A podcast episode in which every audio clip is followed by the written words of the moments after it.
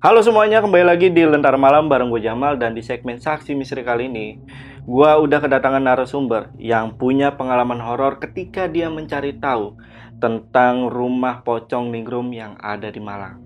Nah, kita sapa dulu aja di sini udah ada Mas Lakon. Mas Lakon apa kabar Mas? Baik, alhamdulillah Oke. baik Mas. Mas Lakon, apa yang terjadi ini ketika Mas Lakon ini mencari tahu tentang rumah pocong ningrum ini? Oke, jadi gini Mas. Rumah Pocong Ningrum ini adalah penyebutan saya pribadi. Ah, ah. Soalnya waktu itu saya dapat cerita yang membahas tentang gangguan pocong yang dialami oleh warga desa. Mm-mm. Dan setelah saya telusuri, saya cari kebenarannya, saya sampailah di desa itu dan mengalami semua itu. Oke. Gitu. Ini tahun berapa Mas? Ini kalau tahunnya sekitar selesai COVID kalau nggak salah Mas. Masih nggak jauh-jauh. Baru Nggak ya? Iya baru-baru, nggak jauh-jauh kok. Nggak jauh-jauh. Tapi untuk kisahnya sendiri ini udah lama atau baru juga? Untuk kisahnya itu kan narasumber saya ini bapak-bapak gitu. Mm-mm. Udah lama mas, Mm-mm. udah lama. Jadi sekitar tahun berapa saya juga kurang tahu pastinya. Mm-mm. Yang jelas waktu itu informasinya cuma ketika saya belum nikah sama ibunya adik gitu aja. Mm-mm. Itulah akhirnya saya cari kebenaran ceritanya kayak gitu. Dan sampai baru-baru ini masih ada gitu. Masih ada. Soalnya saksi terakhir ada. Saksi terakhir ya Pak Bagio itu masih ada. Waktu saya ke sana ya, terakhir saya ke sana itu ya. Mm-mm. ya saya ngalamin hal ini itu itu beliau masih ada saksi terakhir itu Jadi Mas Lakon ini benar-benar turun ke lapangan ya? Betul, ketika Mas. tahu cerita itu ya? Mm-mm, soalnya informasinya bahan penulisan saya belum lengkap Mm-mm. jadi saya harus turun ke lapangan ya sebenarnya nggak turun ke lapangan sih kebetulan di sana Oke, ya udah kebetulan di sana akhirnya saya mampirlah ke situ ke kampung itu oke, oke. Yang penasaran apa yang terjadi sama Mas Lakon, simak videonya sampai habis. Tapi sebelum itu buat kalian yang pengen jadi narasumber di Lentera Malam sama seperti Mas Lakon, kalian bisa langsung aja DM ke Instagramnya Lentera Malam. Itu ada di @lentaramalam.id.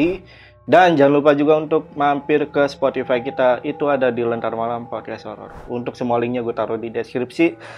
Ya udah kalau gitu buat kalian yang penasaran sama cerita lengkap dari Mas Lakon, tonton video sampai habis dan tanpa basa-basi lagi, saksi misteri. Kita mulai.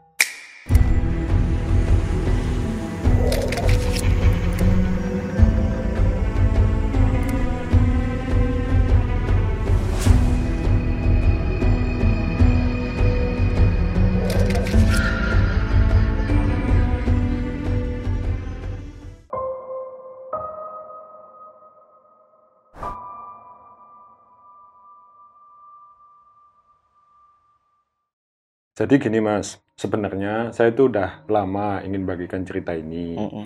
bahkan sampai saya belain jauh-jauh ke sini Iya. itu sebenarnya memang tujuan utama saya bagikan cerita ini kayak gitu jadi gini seperti biasanya saya itu kan nulis cerita ya saya tulis dan saya bagikan di akunnya Lakon Story kayak Mm-mm. gitu dan narasumber saya narasumber ceritanya itu bisa jadi dari teman saudara habis itu kesaksian-kesaksian orang di sekitar Mm-mm. dan teman-teman yang ada di sosial media kayak gitu. Cerita ini itu datang dari salah satu teman lama saya, Mas.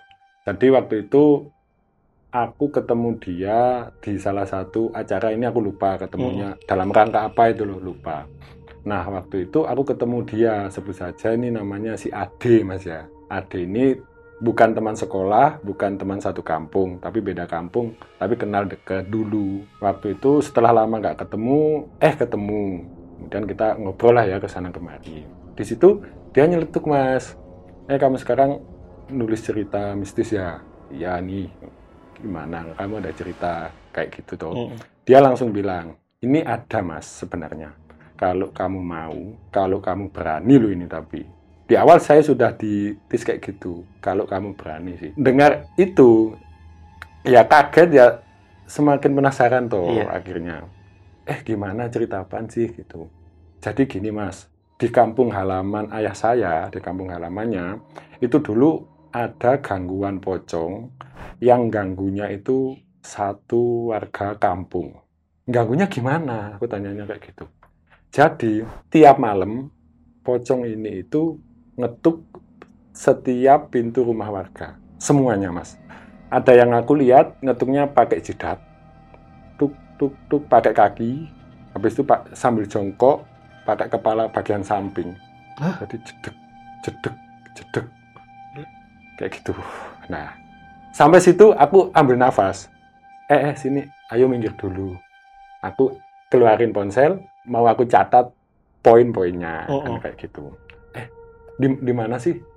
Ini kampung halaman ayahmu di sana loh mas. Intinya di perbatasan ya. Ini maaf nggak tak sebutkan soalnya waktu itu dia juga bilang warga kampungnya sampai saat ini sampai detik ini itu kalau kita tanyain soal hal itu soal cerita pocong itu kayak nyembunyiin. Pertama kedua kayak takut. Hmm. ketiga larinya ke pamali.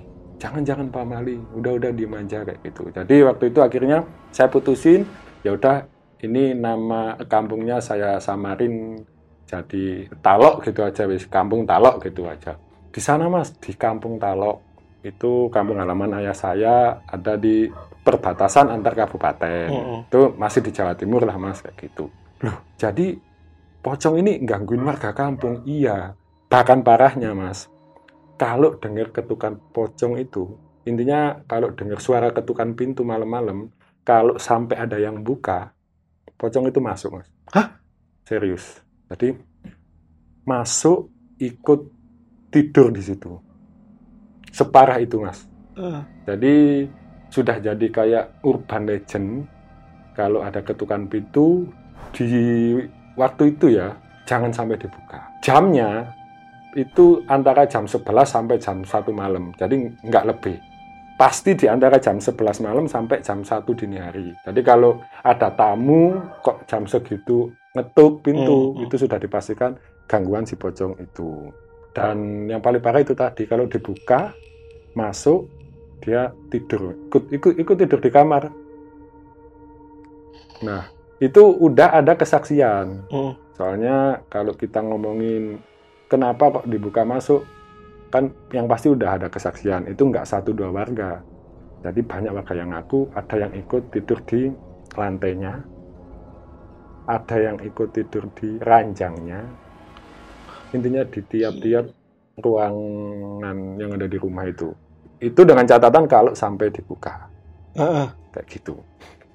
Itu sampai pagi nih tidurnya. biasanya kan kalau orang kampung ini jam 4 subuh udah bangun tuh mas Heeh. sholat itu biasanya iya biasanya kan kalau bangun tapi oh iya ini lupa kalau pagi udah ada yang lihat itu hilang guys pasti kalau udah ada yang lihat itu shock orangnya shock habis itu kejang Ah. kejang-kejang gitu kayak gimana ya ya kayak epilepsi itu tadi kayak gitu lah denger cerita seperti itu aku excited apa antusias lah mas ya Mm, mm. oh ya wes kapan-kapan tak tulis sih. Tapi mas tolong mas ya jangan bilang siapa-siapa. Nanti kalau masnya main ke ayah saya monggo saya ajak. Oke siap kapan kapan kapan kapan saja gitu. Di situ kebetulan stok tulisan saya masih ada mas. Jadi ada beberapa tulisan yang belum selesai ku tulis waktu itu. Ya udahlah kapan-kapan. Dan singkat cerita akhirnya aku udah gak ketemu sama ade ini lagi waktu itu Kemudian beberapa bulan setelah itu mas, sekitar 5 sampai 6 bulan kalau seingat saya ini. In- intinya lama kok. Aku ada acara ngantar pengantin di tempatku tinggal. Hmm. Itu ngantarnya ke tempat yang ada di kabupaten tersebut. Kalau orang kampung itu kalau ada yang nikah, dapatnya jauh kan diantar tuh sama saudara-saudaranya. Waktu itu aku ikut nganter mas. Aku di mobil itu cuma berdua sama temanku ini namanya Doni. Eh Don, kita ngantar pengantin ini gitu. Kita ngantar, ikut ngantar. Acaranya dari setat rumahku dari Kota Batu itu jam 7 pagi tuh Mas. Sampai sana siang, acara segala macam. Selesainya itu jam 3. Hampir asar lah, soalnya kalau asar kan udah waktunya sholat, acara pasti selesai Mas Iya, iya. setelah acara selesai, yang ngantar-ngantar ini, ini tadi kan udah pada balik tuh ke Batu ke Malang. Aku itu nggak balik. Aku yuk kita cari makan dulu lah, mumpung di sini istirahat. Capek aku nyupir waktu itu kayak gitu. Lah temanku si Doni ini ngingetin, eh mas, kamu inget ceritanya Ade gak? Dulu katanya di kampung nggak jauh dari sini ada gangguan pocong. Nah di situ aku inget, oh itu di mana sih tempatnya? Nggak jauh ya dari sini? Ya nggak jauh lah, ini kabupatennya sama. Ya Hmm. mungkin pelosok lah. Ya udah, telepon tuh Ade. Ditelepon lah dia sama si Doni.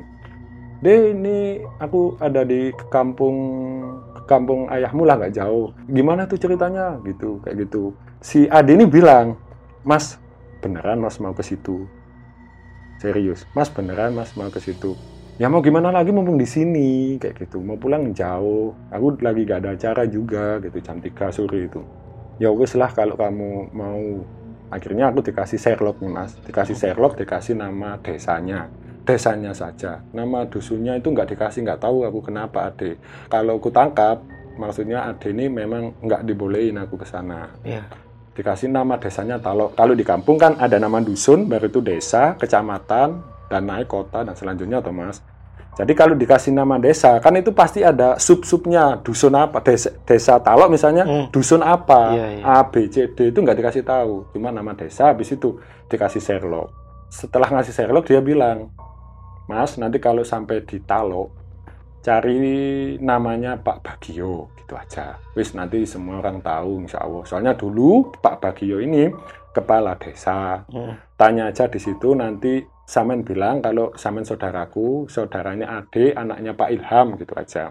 Nanti kalau Samen sanya, udah tanyalah itu ceritanya. Oke, setelah selesai telepon sama si Ade, aku sama Doni ini gimana nih Don? Bu- Buka dulu Sherlocknya. Kita lihat mas, itu jam 3, jam 3 sampai setengah 4 lah ya waktu itu. Lihat di Sherlock itu jaraknya dua jam, Hmm. dua jam sekian menit gitu loh. Iya. Masuk, masuk, masuk jalan gitu. Gimana ya mas? Jam 3, setengah 4, aku mikir dulu. Nanti nyampe sana jam 6 lah. Ya udahlah, masih oke lah ya kalau namu jam segitu bertamu. Oke lah, sikat. Ayo kita jalan-jalan ke sana. Gitu. Udah lama juga ini nggak jalan-jalan.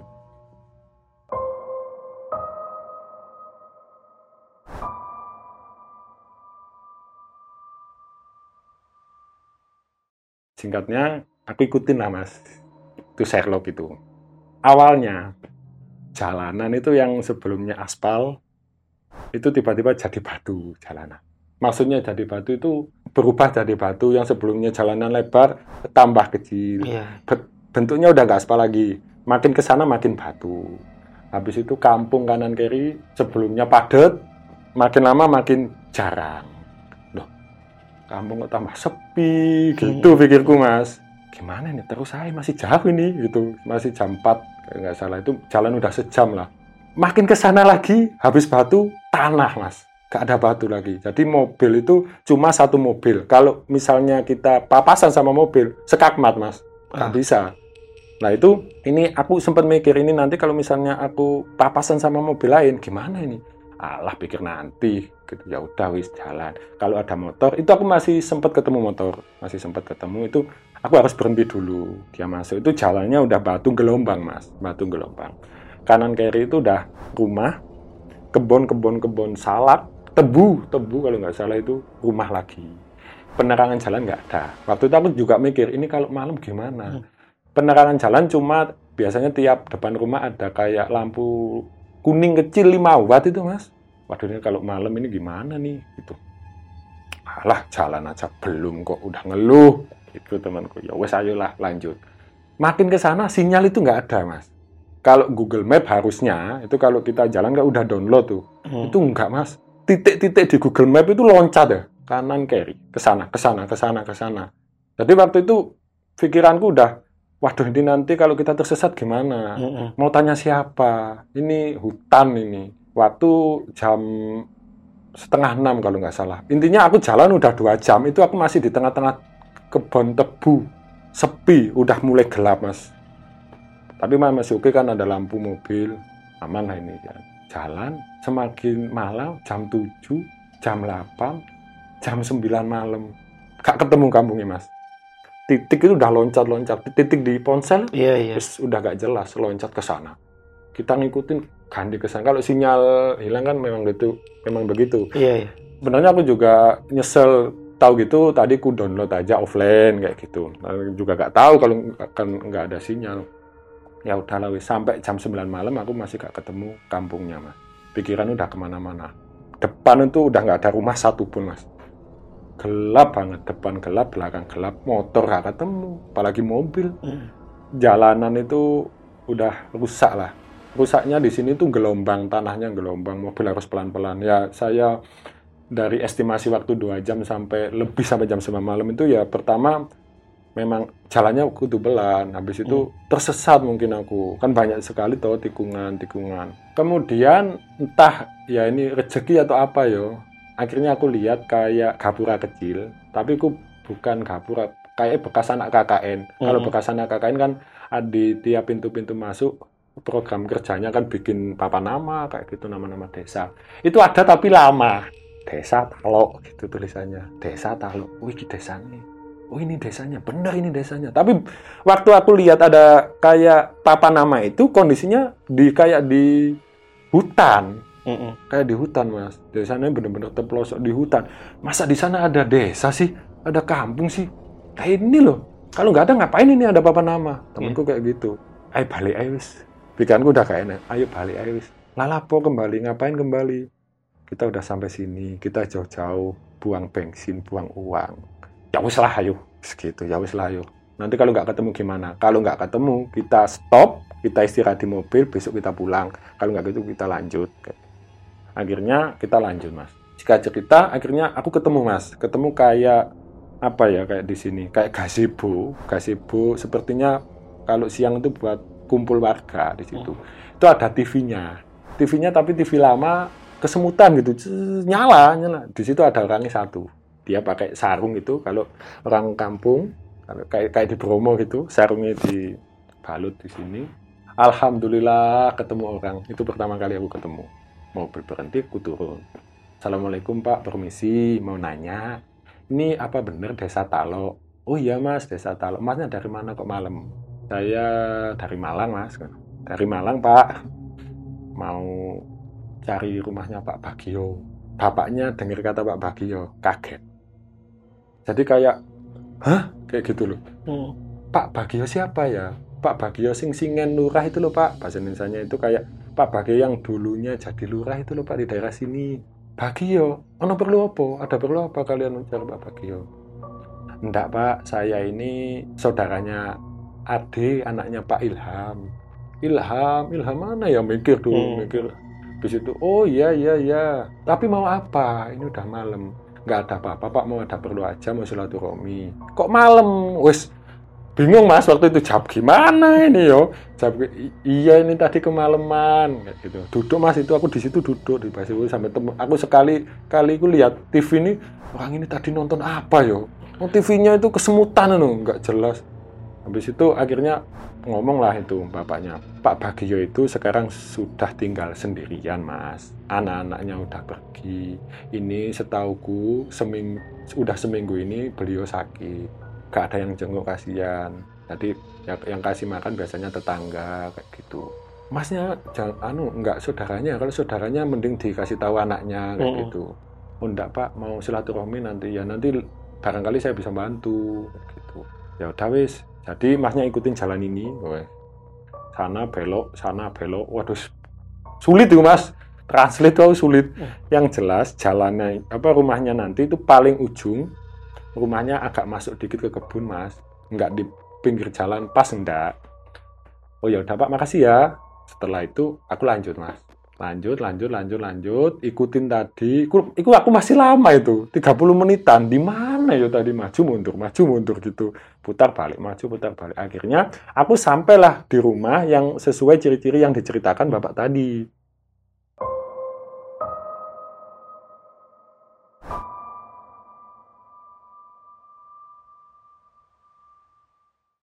pas sampai di depan rumah itu bener mas. Ciri anu kata bapak tadi rumahnya itu agak masuk. Kalau ini jalan ini tuh kebon kebon kita harus jalan kaki rumahnya agak jauh di dalam gitu loh mas.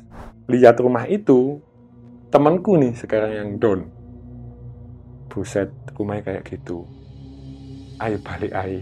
Aku gimana ya kalau istilahnya orang itu udah basah ya nyemplung sekalian. Iya. ya udah udah jauh-jauh udah sampai sini kok kamu mau rese eh turun. Ya minimal nanti silaturahmi kalau nggak anu kalau memang nggak ada ya udah kita kembali. Setidaknya kita udah di sini. Nulis cerita gini amat gitu temenku. Akhir, akhirnya turun mas. Turun mobil, mobil agak jauh. Aku jalan kaki. Itu nggak ada lampu mas. Nggak ada lampu. Lampunya itu mati. Tapi aku masih bek- ada bekas lihat kabel. Kabel yang gelantung gitu. Ada apa tiangnya dari bambu. Udah doyong gitu udah miring udah lama sampai di depan rumahnya Pak Bagio. Bentuk rumahnya itu aku masih ingat betul sampai sekarang. Itu bawahnya itu bata Mm-mm. yang hanya dibelur nggak dicat atasnya itu bambu. Depannya ada dua kursi oh ada tiga. Yang sebelah kanan ada dua yang sebelah kiri ada satu. Ada meja rusak. Kursinya yang dua ini yang satu gagang kursinya udah patah Mm. yang satunya kan dari rotan tuh mas. Tengahnya udah jebol. Mm. intinya udah berantakan. Di situ terasnya kan kalau rumah dulu ada terasnya gini itu terasnya udah mau roboh mas.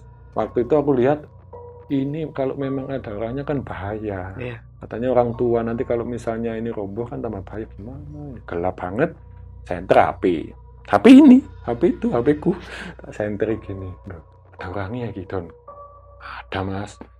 Permisi assalamualaikum gitu.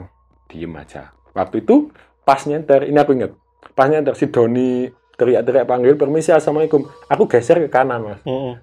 ke bagian samping rumah ini. Bagian samping rumah itu udah ada rumput yang tinggi, tinggi kayak jalan mau ngerubungin tuh rumah udah ini ini habis itu genteng-genteng udah banyak yang jatuh, banyak yang apa bolong-bolong gitu. Aduh rumah ini kosong ini, rumah ini kosong balik. Don gimana? Jawab. Assalamualaikum. Kulo nuwun, Pak, ngapunten, permisi, gitulah ya sopannya. Nah, waktu itu masih se- masih belum ada jawaban si Doni nyium bau bangke. Mas, mas, sini mas. Aku kok mambu gak enak yo. Mas, aku kok nyium bau gak enak ya. Aku nyium bau bunga sedap malam. Mm-mm. Loh, ini bau kembang sundel ya. Ini bau bunga sedap malam ini. Harum ini kok wangi loh iki. Gak enak iki mas sambune mas. Di situ mas, aku itu nyium bau itu wangi banget. Bunga sedap malam. Bilanglah aku ke Doni. Mambu apa kok gak enak? Kamu ini kembang sundel wangi talek bengi. Bau apa kok katamu gak enak? Ini bau bunga nih, ini bau bunga sedap malam nih, bau apa wangi banget gitu. Hidungmu nih, ini lihat bangke. Bajuku ditarik. Ini nih, sebelah sini nih sebelah kursi yang kosong-kosong tak cium wangi mas baunya mas gini wah itu jam 11 malam kalau nggak salah udah. Ini jam tanganku ini kan kalau dipencet nyala. Mm-mm. itu aku sempat mau mencet mau lihat jam jam berapa itu ditarik lagi. Sini ya sini ya lihat tuh. Bau apa nih? Jadi waktu itu kita bener-bener berisik lah di depan rumah itu. Anu ini bau bunga sedap malam wangi. Aku memang nyium bau bunga sedap malam mas waktu itu. Dan belum selesai aku ribut sama si Doni tiba-tiba itu ada burung aku gak tahu kalau itu sebelumnya ada burung. Hinggap di di atapnya. Mm-mm. di atapnya teras. Tiba-tiba terbang mas. Terbang di atas kepala aku Mbak Doni. Hmm. kecepet kecepet kecepet kecepet gitu mas. Wah, kaget ah mas. Allahu Akbar aku kayak gitu tuh Cek, kecepet kecepet kek kek kek gitu. Ces. Buh, langsung merinding aku. Cewes, ces. aduh ini gak enak ini. Ini gak enak. Eh balik ya Don kandani sih balik. Ayo balik aja kok dari tadi dia gitu. Udah dibilang kan dari tadi balik. Ya udah sudah ayo balik ayo balik. Akhirnya ini udah positif nggak ada ya? Udah gak ada udah gak ada si Doni kayak gitu. Baliklah yuk balik. Kita balik mas. Aku balik. Seret jalan empat kalau nggak lama kok. Lima langkah. Tek tek tek tek. Dengar suara lampu saklar lampu ditekan. Ceklek gitu. Tek berhenti. Ceklek. Noleh klutek klutek klutek kayak orang mau bukain pintu. Mm-mm. aduh ada orangnya. Kayak gitu si Doni. Aduh ya ada orangnya. Gimana ini? Kayak gitu. Lanjut gak lanjut gak lanjut gak aduh gimana? Masih bingung. Kalau ke sana meskipun aku mau lari pun nggak sempet. Mm-mm. pasti udah dibuka. Orang itu pintu udah kret udah mau kebuka kok gitu mas. Kita masih bingung pintu kebuka mas. Krek aku sama Doni noleh ke belakang es lampunya itu kuning kayak lentera ini Hmm. yang bohlam 5 watt redup toh mas. Tapi kan kelihatan. Pas pintu dibuka di balik pintu ada perempuan parubaya bilangnya gini sinten? Kalau bahasa Indonesia siapa? Gitu. Saya noleh buset ada orangnya kayak gitu. Alhamdulillah ada orangnya kayak gitu. Si Doni ya namanya udah posisi di situ mas, Mm-mm. mau nggak mau balik dong aku. Heng, guyu. Bu, ngapunten, Bu, mohon maaf. Apa benar ini rumahnya Pak Bagio? Gitu. Iya. Ini jenengan sinten? Iya, kamu siapa? Saya ya sambil gini, sambil jalan. Anu, mohon maaf. Langsung ditranslate aja ya. Sebenarnya tapi Jawanya halus banget, enak kalau di- Iya. didengerin. Orangnya itu cantik, Mas. Anu, kulo badhe silaturahmi. Saya temannya Ade, anaknya Pak Ilham, saya gitu. Pak Ilham sopo? Pak Ilham siapa? Waduh, Pak Ilham siapa tadi gitu. Doni. Pak Ilham, Bu, Pak Ilham. Ibunya ini ya, parasnya itu cantik, Mas. Dia tinggi, pakai daster, Mas. Tahu gak ya, daster? Dasternya daster lama. Dia itu natap aku sama natap Doni kayak gini loh. Kanan, kiri, kanan. Kayak slow motion loh, Mas. Kepalanya itu kanan, kiri, kanan, kiri. Jadi nggak nggak diem. Kanan, kiri, kanan, kiri. Sinten, siapa? Habis saya cerita, anu langsung karena Doni udah bingung jelasin Pak Hmm. Ilham siapa. Ngeten Bu, ngapunten kula badhe wonten perlu kali Pak Bagio. Jadi gini Bu, mohon maaf, saya mau ada keperluan sama Pak Bagio.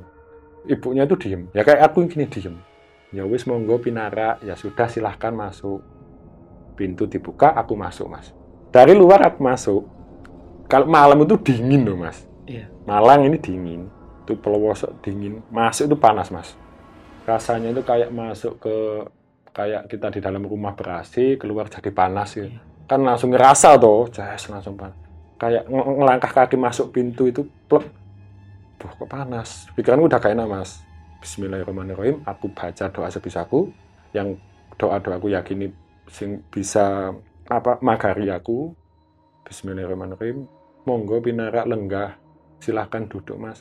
Aku duduk. Waktu itu kursinya ini bukan kursi rotan, bukan, bukan kayu. Ya kayu sih, tapi tengahnya yang dari karet tuh mungkin masnya nggak tahu ya. Kursi lama banget Iya. hijau warna-warni itu kayak dari karet itu ya kita duduk ya kayak ruang tamu pada umumnya. Keadaan rumahnya waktu itu atapnya ini nggak ada plafon ini nggak ada mas. Jadi kita kalau kita ke sini ke atas nggak nggak. Natap ke atas itu langsung lihat bentuk genteng Genteng. sama kayu itunya pondasinya kayak gitu. Di situ duduk rumah rumahnya itu nggak begitu luas sih tapi nggak ada apa ya bentuknya itu. Ini luas habis itu ini ada kamar tidur satu kamar tidur dua langsung. Habis itu kalau mau ke dapur itu masuk di bagian rumah belakang gitu mas. Jadi rumahnya ada dua bagian gitu loh mas. Oh. nah gitu. Tapi kalau kita duduk di ruang tamu kita bisa kalau kita ke hadap sana lihat kamar hadap sini kamar tapi kalau hadap sini kamarnya itu hadapnya ke bersebelahan jadi nggak bisa lihat pintunya. Ya. kalau ke hadap sini pintunya pintu kamarnya itu langsung ke ruang tamu. Dan area ruang tamunya ini meja kursi ruang tamu ada dua. Di sana juga me- meja kursi ruang tamu. Di meja kursi ruang tamu itu yang di sebelah sana itu berantakan mas. Posisinya itu udah nggak beraturan.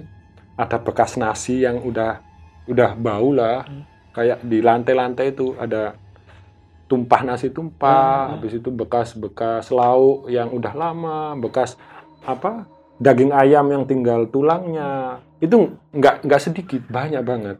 Orang piringnya kalau orang dulu kan piring dari seng ya mas. Heeh. itu masih ada di sampingnya kok apa bekasnya tumpah gitu. Jadi nggak dibersihin berantakan. Tapi yang di tempatku duduk itu lumayan bersih lah mas. Meskipun aku lihat ada gelas ada be- beberapa gelas yang plastik yang tumpah nggak Mhm. diambil tapi bekas airnya itu masih ada kopi kayak gitu masih ada. berantakan mas Iya, iya. gak terurus bener-bener aku duduk si ibu-ibu ini tadi nggak ikut duduk mas diem jalan terus ke dapur Heeh. lah waktu itu aku mikirnya kalau orang bertamu pasti anu mau dibikinin minum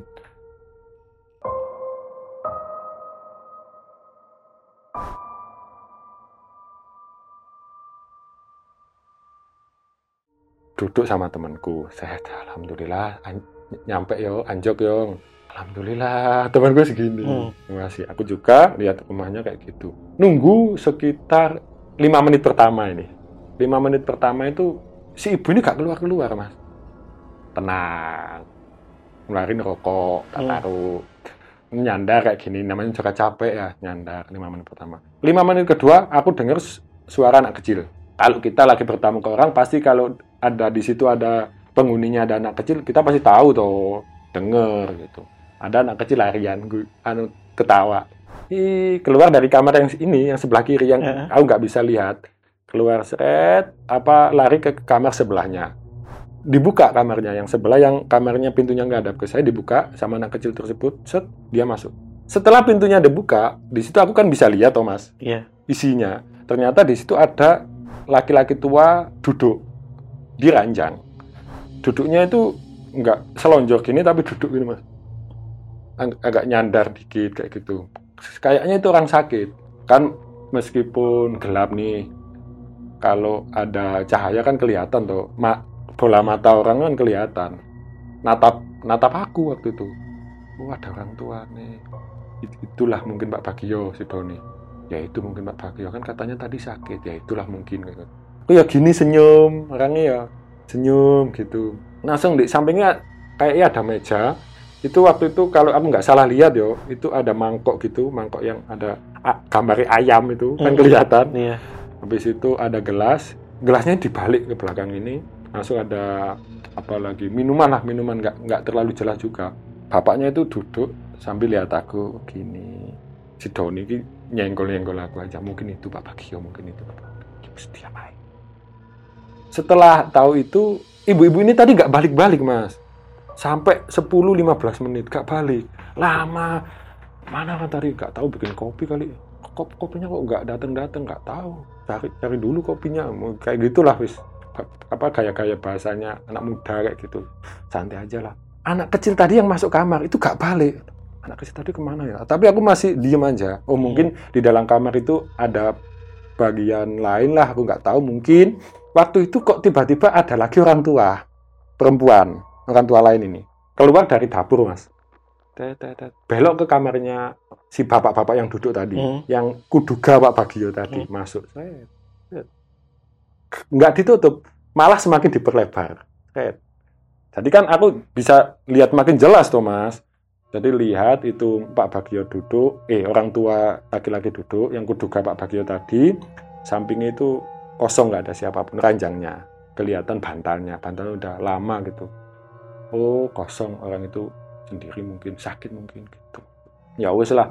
Setelah lihat itu semua akhirnya ya wes luah lupakan. Kita nunggu aja nih atau kita ke sini apa kayak gitu.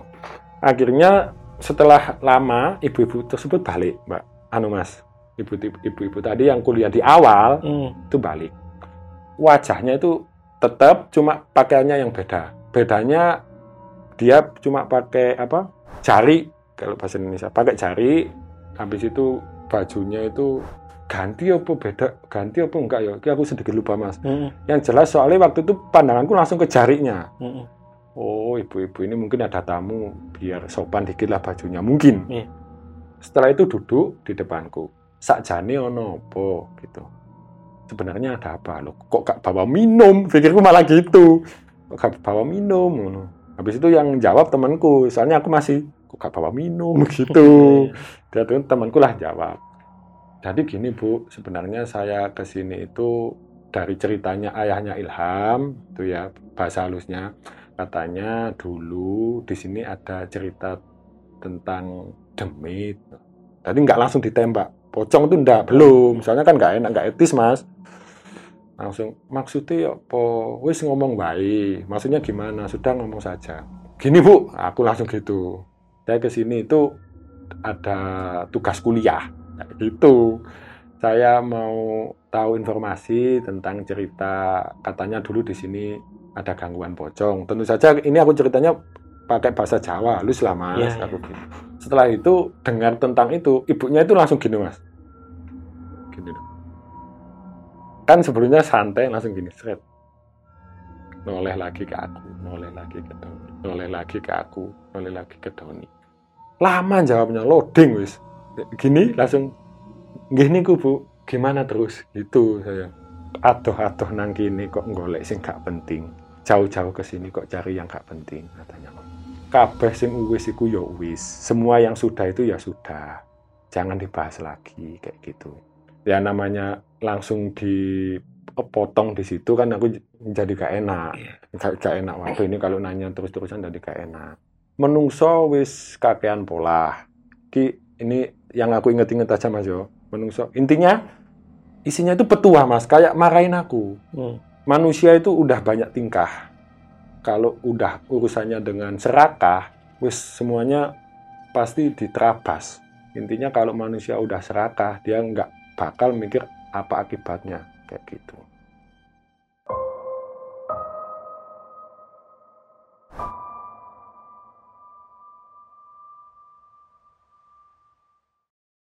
Di situ bukannya dapat informasi, aku sama si Doni jadi iya, engge, engge. Jadi kayak dikasih petua sama orang tua kayak gitu.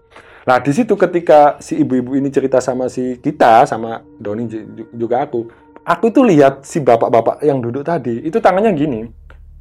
Kalau orang tua, kalau udah tua itu kan lemah mas memang. Hmm. Kayak gini loh mas. Itu aku bingung. Ini manggil apa nyuruh aku pergi? Hmm.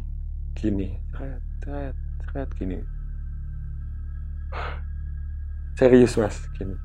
Malahan aku gini kok. Enggol lah Doni. Gak enak ini masih ngomong gitu. Gini terus. Tambah cepet mas. Ku ini tambah cepet. Coba tambah cepet. Sa- kayak gimana ya? Kayak orang mau berdiri tapi gak bisa Ah. gitu loh. Pergi yo, pergi yo gitu. Kalau waktu itu aku nangkapnya pergi, aku mungkin langsung pergi mas. Tapi waktu itu aku nangkepnya dia mau minta pertolongan bapaknya. Malahan ketika aku mau bilang, bu itu bapaknya kenapa? Hmm. Aku mau gitu masih nggak sempet soalnya ibu-ibu di depanku ini masih cerita. Ceritanya itu intinya petua mas. Soalnya ini kalau aku detailin takutnya apa ya ada yang kelewat salah. Iya, Intinya iya. petua. Hmm. wis gak usah nang kini gitu. Panjang wis. Intinya intinya kayak gitu. Kemudian saya lihat itu masih semakin lama kok makin gini gini gini gini gini aku kaget mas. Aku kaget mau ngomong kayak iya kayak kayak iya. Ayo wis tak tunggu nih sampai berhenti dulu cek Hmm. sopan. Hmm. menurut biar sopan ke ibu-ibu ini tadi. Kok setelah itu pintunya itu ditutup mas. Ditutup dari dalam gak tahu siapa yang nutup. Itu tadi kan yang masuk udah ada nenek-nenek ada anak kecil ditutup. Gelap bayantar gitu. Setelah pintu ketutup ibu-ibu yang sebelumnya ini cerita terus langsung diem. Loading 2 sampai 3 detik 2 sampai 3 ya. Lama lah itu. Langsung bilang gini pocong sing kok golei iku aku pocong yang kamu cari itu aku. Aduh di situ pikiranku ke mana mas? Gak tahu wis pikiranku ke mana-mana kakiku lemas Hmm. daun ini udah gemeter ini. Astagfirullah astagfirullah Allahu akbar. Batak batak ini ini set, jaket udah di sobek kalau nggak salah jaketnya sampai sekarang masih ada. Jaket yang aku pakai sobek mas. Bagian ketiak. Ditarik sama Doni Wong ditarik itu aku denger kok sobek. Astagfirullah astagfirullah. Gemeter semua udah. Siapa nggak gemeter loh mas? Bilangnya kayak gitu loh. Eh, pocong yang kok golek iku aku.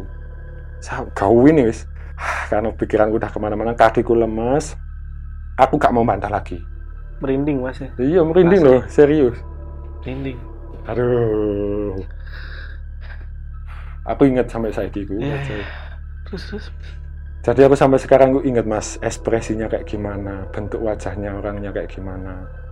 Ekspresinya pas bilang pocong itu aku itu kayak gimana. Ingat aku mas. Waktu itu aku masih coba apa nekan nekan kesadaran. Kalau biasanya gini kalau biasanya ada orang ketemu setan Hmm. kok bilang nggak bisa jalan itu dia udah terlalu kaget. Hmm. shock habisnya kan gerak udah nggak bisa. Hmm. itu ada itu dia udah shock tingkat level yang lebih tinggi. Hmm. jadi butuh beberapa detik akhirnya dia langsung bisa jalan.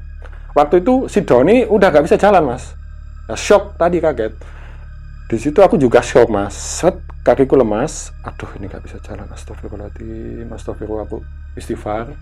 Aku nekan nekan diriku sendiri hanya Hmm.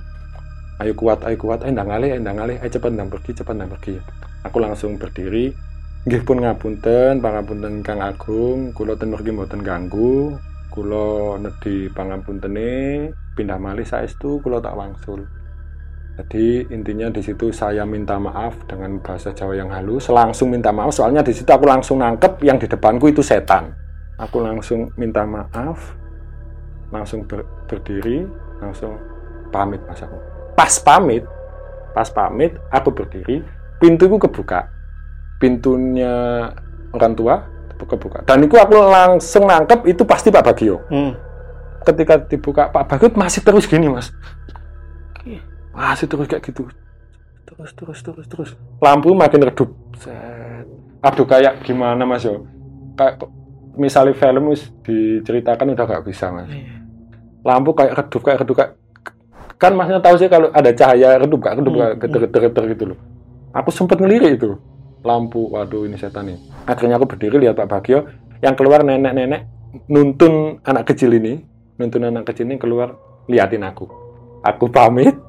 Aku putar badan aku keluar. Tapi nggak langsung lari soalnya kayak gitu langsung lari tuh macam-macam mas nanti. Takutnya ya nanti apa ya nggak enak habis itu gak sopan. Aku Hmm. masih mikir kesopanan waktu itu. Ya Allah.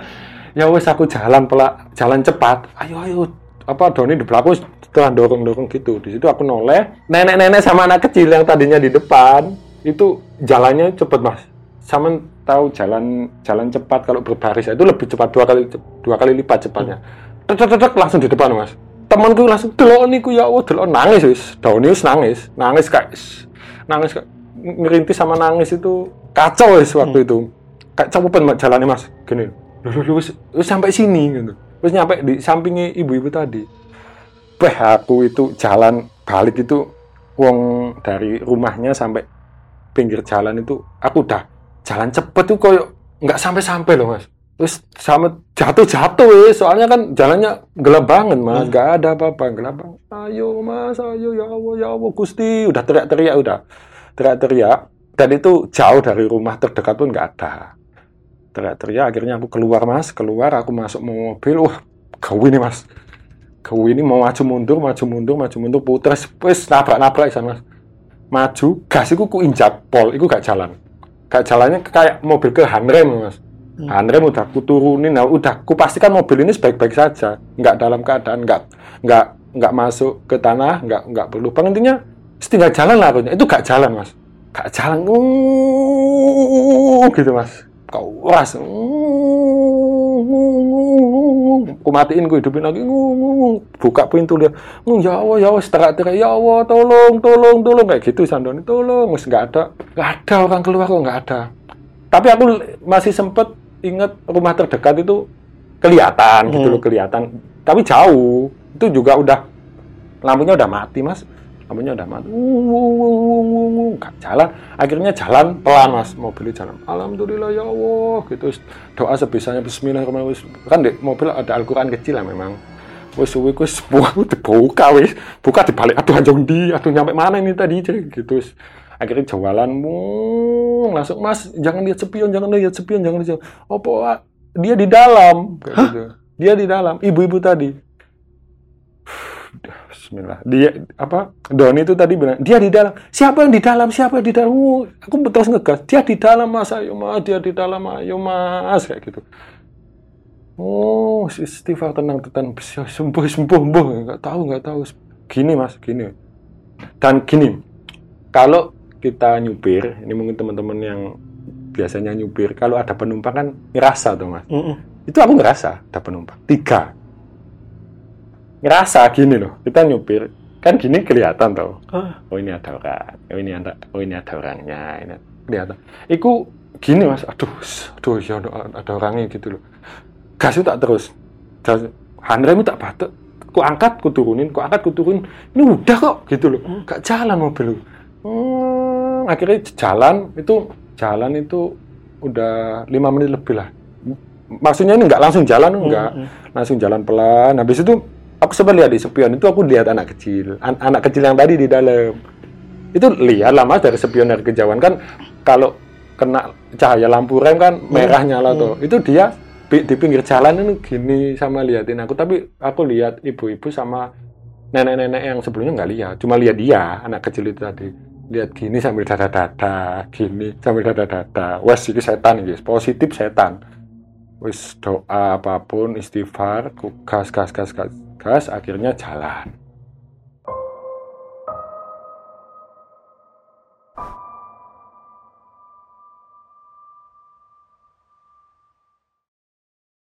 Lah, sepanjang perjalanan itu aku di dalam nyium bau bangke, aku nyium bau bunga sedap malam, wis apa pun di mobil iku.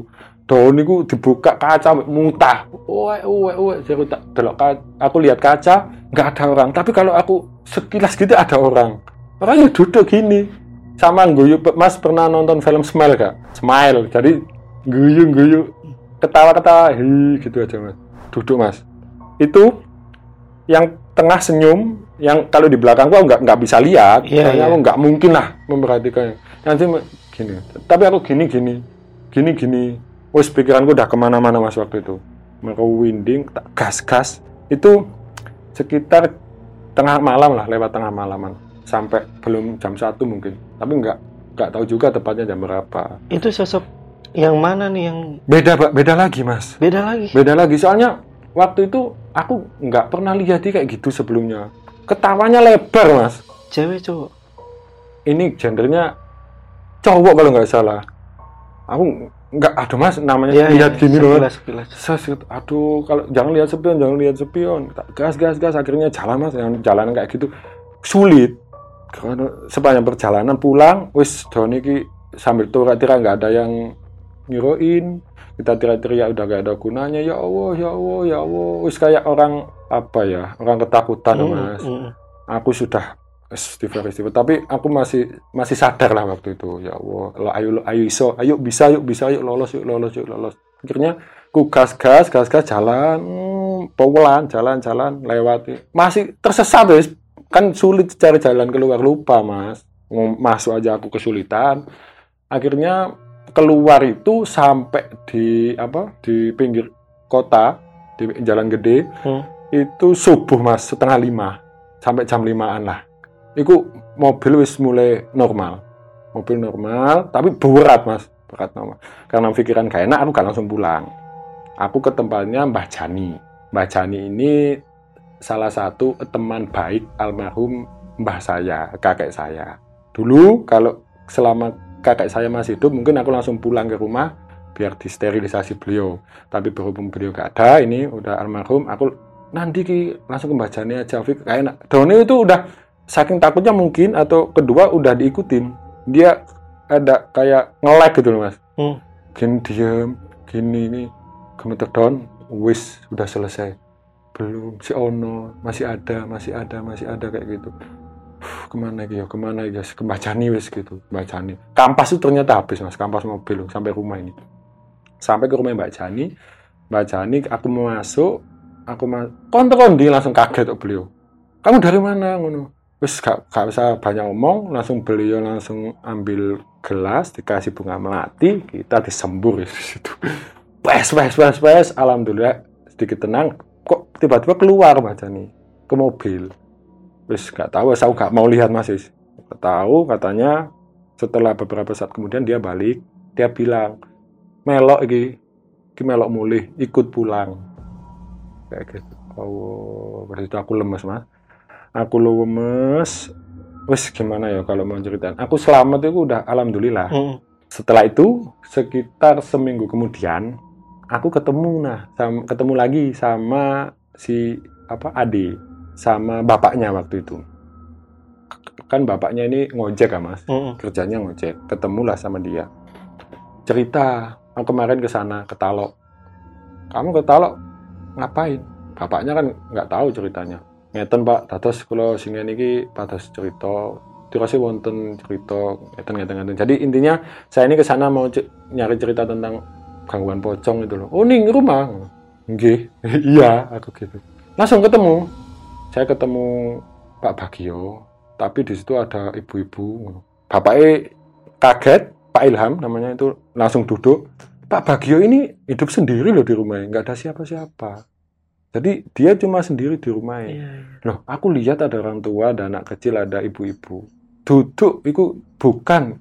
Itu bukan keluarganya kamu salah rumah mungkin enggak itu rumahnya Pak Bagio aku ceritain apa rutenya di sini kan di sini kan iya Bapak Pak Ilham ini langsung lemas, langsung marahin adik kayak merasa berdosa gitu loh. Hmm, hmm, Ngapain diceritain hal itu ke kamu? hmm. Kok kamu warga kampung aja kalau denger cerita ini lari kok. Bahkan Pak Mali gak usah di, dicerita-ceritain, gak usah. Ini jangan ditulis-tulis, jangan di apa sebar-sebarkan kayak gitu. Nanti kalau denger warga kampung ini bahaya. Soalnya katanya sampai saat ini kalau ada yang nyeritain katanya dia ngikut ke sini kayak gitu. Wah, aku langsung diem, down. Yus, gimana lah mas Hmm. perasaan waktu itu ya. Tapi al- alhamdulillah sampai rumah dan dua tiga hari setelah itu ya alhamdulillah dia nggak ngikut kayak gitu loh nggak ngikut ke rumah soalnya kalau ngikut nanti urusannya lebih panjang lagi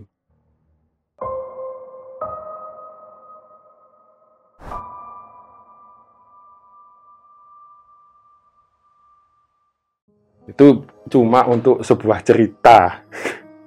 Saya bela-belain kayak gitu. Maksudnya untuk cerita yang aku tulis itu loh rencananya. Rumah pocong niru rumah pocong nirum rencananya kan aku kasih judul itu. Akhirnya sampai sekarang masih gak selesai ceritanya. Ya nggak berani lah ngelanjutin. Soalnya bapaknya si Ade udah bilang nggak usah dilanjutin. Ya udah aku bagiin pengalamanku ini Belum ada ngomong apa ini. Gue bisa masuk ke situasi lu sih mas. Hmm, Gokil. Sampai sekarang berarti nggak tahu ke latar belakang dari rumah pocong Ningrum ini. Kalau latar belakangnya itu sebenarnya sudah diceritakan sedikit sama Pak Ilham. Jadi dulu yang menyelesaikan kasus pocong ini itu memang Pak Bagio. Kita flashback ya kembali ya. Oke. Dulu kan kampung itu, kampung Talok ini diserang sama pocong ini. Mm-mm. Konon katanya pocong ini korban pemerkosaan. Nah, di sana yang salah malah bukan yang memperkosa, tapi yang diperkosa.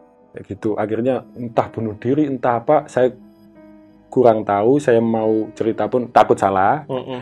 Apa meninggalnya itu gimana nggak tahu. Yang jelas nggak sakit, yang jelas ini ya nggak sakit, yang jelas. Intinya kalau bunuh diri lah Mm-mm. bahasa kasarnya kayak gitu.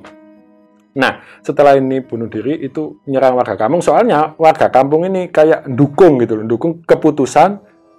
Ternyata yang salah ini Ah, yang diperkosa malahan, bukan yang memperkosa.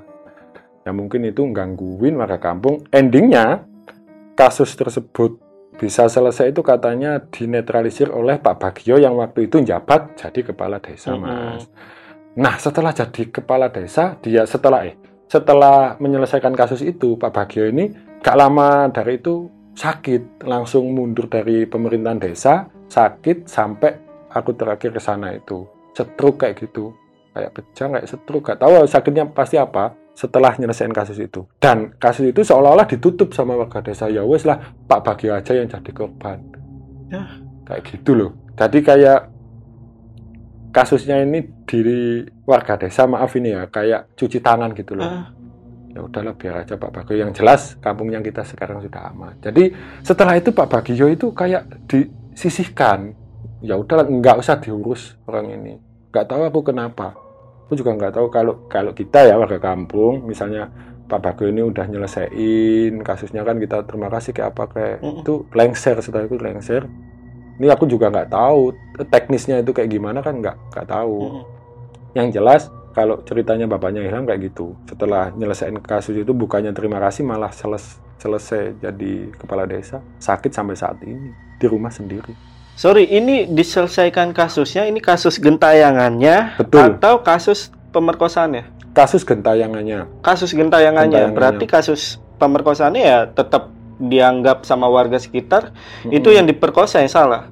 kalau masalah itu saya nggak begitu tahu sih mas nggak begitu Ah, tahu ah. jelasnya kayak gimana soalnya kan cerita ini itu terjadi ketika Pak Ilham Iya. si narasumber ini belum nikah sama ibunya si Ade itu dulu lah saya curiga mas Ah. pertama kali aku mau cerita mau cari informasi tentang cerita ini bisa jadi masih ada kasus yang belum selesai itu masih ada kasus yang dahulu dahulu kala Hmm. yang masih belum selesai kan saya juga nggak tahu kok ada yang bilang pamali ada yang bilang itu dulu itu dukun Pak Bagio itu dukun macam-macam Jadi kayak masih misteri kayak gitu. Tapi Oh, cerita ini tuh lama.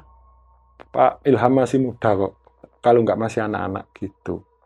Dan terakhir aku dengar Pak Bagio ini meninggal. Meninggal dira- dirawat ke mana yo?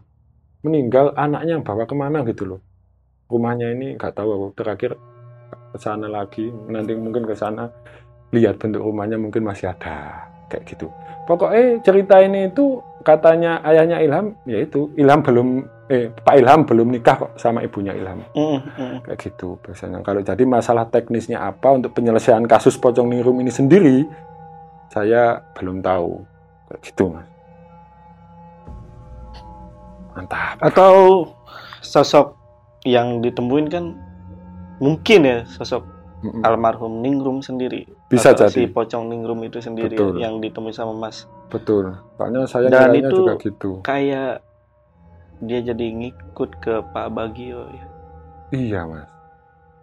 Saya itu curiga dulu itu ada sangkut pautnya sama keluarga Pak Bagio. Ini mohon maaf, ini enggak, ini cuma pendapat. Ah, ah, Kayak gitu. Ah. Kayaknya ada sangkut pautnya sama Pak Bagio, Pak keluarganya Pak Bagio loh ya. Hmm. Karena kalau kita lihat garis besarnya, setelah kasus ini selesai dengan di tangan Pak Bagio, kok warga ya udahlah Iya, iya, iya. gitu.